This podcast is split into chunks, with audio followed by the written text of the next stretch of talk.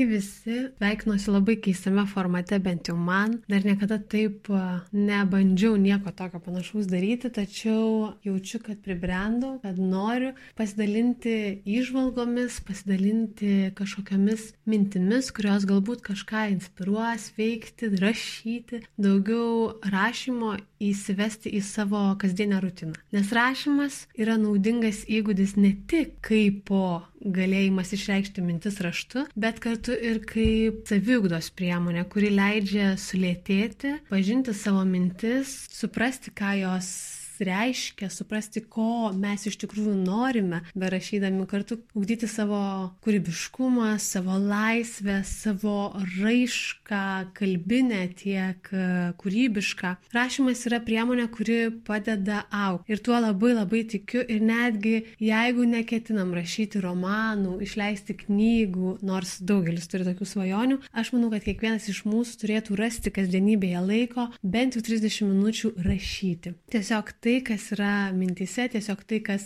ateina į galvą ir taip išsivalyti savo mintis. Taip būti čia ir dabar momente, susikaupti, Tad e, vienas paprasčiausių dalykų, ką galim padaryti tikrai kiekvienas, vietoj to, kad nubudę e, valandą ar 30 minučių skrolintumėm savo socialiniuose tinkluose ir vartotumėm kažkokias šiukšles informacinės, kurias po to iš savo galvų labai sunku išsivalyti, geriau 30 minučių arba bent jau 15 minučių tiesiog pasileistumėme laisvajam rašymui. Pasimkite bet kokį popieriaus lapą ir rašykite tai, kas yra ant minties, kas yra galvoje, bet kas sapnus, emocijas, ką jaučiate, ką užuodėt šiuo metu, o galbūt ką, apie ką svajojat. Ir galbūt taip iš pradžių bus šiek tiek nejauku, tačiau diena iš dienos tikrai pajusite, kaip tai daryti yra lengviau, kaip išsivalo jūsų mintys ir kaip į kasdienybę jūs einat labiau atsipalaidavę, labiau įkvėpti ir tiesiog pasidarę tokį kaip po baltą lapą šiandienai savo tikslams. Tai šiek tiek e, toks e, netikėtas, netikėta gavosi pradžia, nors iš tikrųjų ketinau pakalbėti apie ką kitą, tačiau turbūt jau ne kartą ir tikrai ne kartą priminsiu šituose įrašuose apie tai, kad kviečiu kviečiu labai visus rašyti ir kaip tai yra svarbu mūsų kiekvieno gyvenimui. Um, bet noriu šiek tiek pristatyti, ką ir apie ką aš čia ketinu kalbėti tame šitoje tinklalaidėje, jeigu galima būti, būtų ją tai pavadinti, o galbūt tai bus tiesiog kažkokie mini išėjimai garsiniu formatu. Tai iš pradžių turbūt vienas pagrindinių tikslų, kurį galvoju atlikti šiuo formatu, yra kalbėti apie tai, kaip yra rašoma. Aš pati, kai pradėjau rašyti, žinojau labai nedaug. Tiesiog turėjau labai labai daug įkvėpimo ir noro, beprotiškai daug noro rašyti. A, tačiau formų ir suvokimo, ką atkreipti dėmesį arba bent jau ko ieškoti, a, e, jų yra galybė ir, na, kai yra kažkokia struktūra, mums daug lengviau suvokti, ar mes darome tai gerai, ar darome vidutiniškai, kur mums reikėtų pasitemti, kur galima būtų daugiau judėti. Tad šitie įrašai yra tiem žmonėms, kurie nori formuoti savo rašymo rutiną, o kartu nori išbandyti ir skirtingus rašymo įrankius arba bent jau, na, mokytis mąstyti apie tai, kaip yra rašomi įvairūs kūriniai. Tad šį kartą noriu pristatyti struktūrą, kaip aš planuoju analizuoti tam tikrus kūrinius, kurie man palieka įspūdį, kurie yra įdomus, kurie galbūt yra žinomi, įvertinti. Yra keletas pagrindinių aspektų, kurie yra svarbus kūriniui, į ką reiktų atkreipti dėmesį, galvojant apie savo paties kūrybą ir apie tai, kad kaip ji turėtų būti. Mes galim rašyti impulsyviai, galim rašyti tiesiog, kas šauna ant liežuvio ir į galvą. Ir tai yra gerai, viskas yra tvarkoje. Tačiau pabaigoje, kai jau tą kūrinį taip impulsyviai parašė, mes pabaigėme, visgi verta ateiti su redaktoriaus e,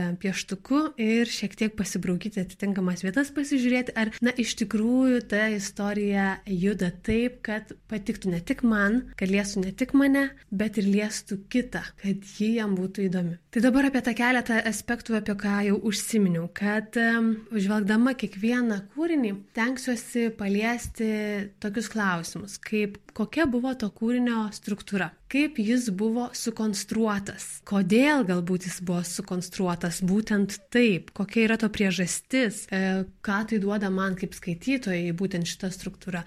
Kaip ji mane įkvepia, paliečia ar įtraukia. O gal kaip tik atstumia ir darosi nuobodu. Taip pat, kas yra kalbėtojas. Ar kalbama pirmu asmeniu, ar trečiuoju, o galbūt šokinėjama tarp asmenų ir požiūrio kampų. Kas yra tas pasakotojas, kuris dėsto visą istoriją. Taip pat, kas yra veikėjai, kokie jie, ar jie įtaigus, kas yra išryškinama, juk žinot, turbūt vieni autoriai, jie ryškina aprašymus, ilgus, išsamius veikėjų aprašymus, kiti kaip tik apsiriboja vos keliomis detalėmis ir bando viską perteikti dialogais arba kitomis formomis. Tai kas yra tie veikėjai, kodėl jie ten yra, ką jie atlieka. Galiausiai įvykiai. Labai svarbus kūrinio elementas ir be įvykių juk nieko ir nevyktų. Tai mes turėtume tik tai veikėjų aprašymus ir atitinkamas galbūt vietų aprašymus. Tad įvykiai yra viso ko esmė. Veiksmažodžiai yra visa tai, kas mums įdomu, kiekvienam iš mūsų. Tai kokie tai buvo įvykiai, kaip jie buvo dėstomi, ar jie buvo dėstomi chronologinė seka,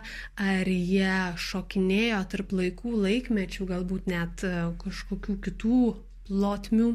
Taip pat vietos, kokios jos buvo, kodėl jos ten buvo, kiek jos buvo aiškios, kiek jos buvo prašomos, kiek detalios. Ir galiausiai pabaigoje, žinoma, na turbūt niekaip neišeis be mano asmeninio kaip skaitytojo įspūdžio. Kokį tą įspūdį man sukėlė knyga, ką ji man davė. Tai štai tokia labai trumpa struktūra, kuria ketinu vadovautis ir galbūt tai kažkam iš jūsų bus tam tikri poliai, ant, ant kurių galėsite statyti savo istorijos pamatus ir kelti aukštyn visą pastatą ir visus rūmus. Labai to tikiuosi. Labai linkiu kiekvienam atrasti rašymo malonumą ir vėlgi priminsiu, nebūtinai tą, kad mes turime parašyti kūrinį, išleisti knygą, sukurti bestsellerį ar dar ką nors. Tiesiog rašykit savo malonumui, rašykite bet ką užsirašinėkite savo mintis, idėjas, rašykite dienoraštį arba galbūt dėkingumo dienoraštį, kuomet išsakom vieną mintį e, per sakinį, tiesiog kuo aš esu dėkingas šiandien. Kiekvienas raštu atliktas veiksmas yra didelė nauda jums. Tai linkiu to įkvėpimo ir tiesiog noro būti, noro rašyti.